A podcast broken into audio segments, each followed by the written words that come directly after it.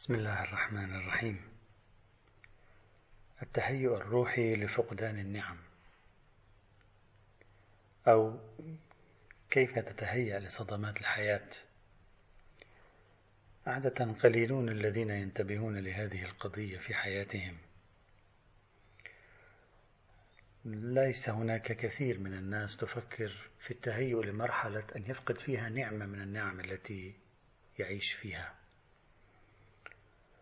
هو الآن في حالة من الصحة والعافية وهو غير متهيئ لمرحلة أن يفقد فيها الصحة والعافية. أو هو الآن في حال من الغنى واليسار وهو غير متهيئ لحالة قد يفتقد فيها مثل هذا الوضع المادي. أو هو الآن في حالة من الجاه والنفوذ الاجتماعي وهو غير متهيئ لحالة ربما يفقد فيها كل هذا الذي يعيش. بل بعض الناس ربما لو حدثته بهذا الموضوع عليك أن تتهيأ لمرحلة تحولات سلبية في الحياة ربما يعتبر ذلك نوعا من الوسواس والخوف.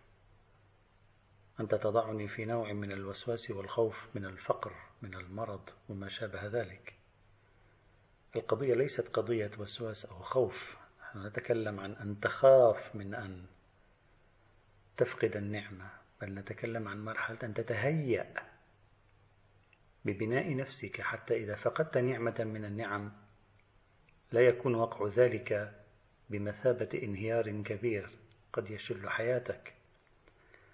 بعض الناس لأنهم لا يتهيئون روحيا لمثل هذه التحولات في الحياة يصابون بانتكاسات بالفعل عندما يفقدون هذه النعم.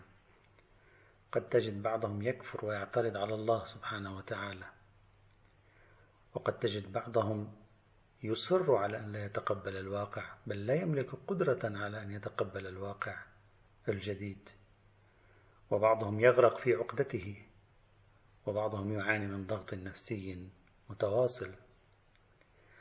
الفكرة الروحية هنا تقع تحت مبدأ إياك والتعلق.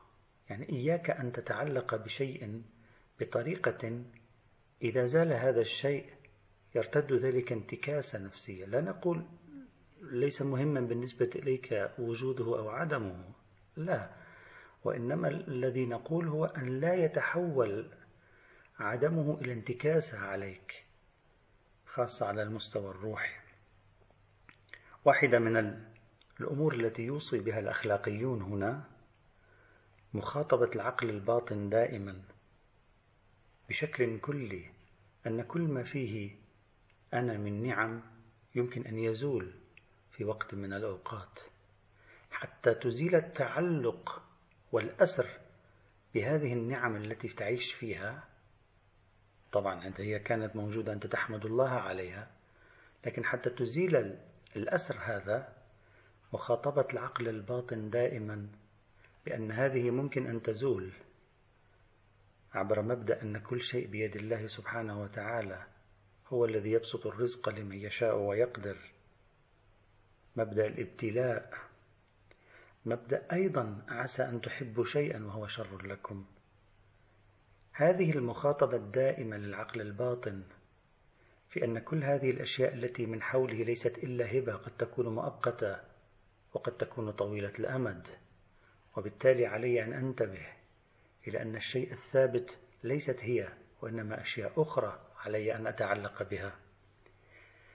بعض الأخلاقيين يجرب في الحياة فقدان بعض الأشياء كي يتمرن يحاول أن يفتقد شيئا محددا لفترة معينة كي يتمرن على العيش من دونه ليرى هل لديه القابلية على ذلك؟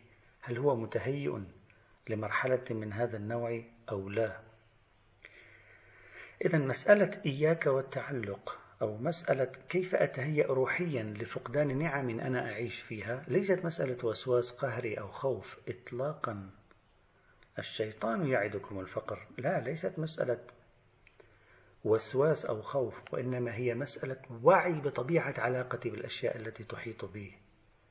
وبالتالي كلما دربت نفسي وخاطبت نفسي وتكلمت مع نفسي أن هذه الأشياء ربما لا تكون دائمة وأن علي أن لا أعتبرها بمثابة جزء رئيس من حياتي أكون بذلك قد تهيأت أكثر فأكثر لمرحلة أن لا أصاب بانتكاسة روحية وأخلاقية.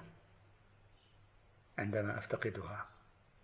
والحمد لله رب العالمين.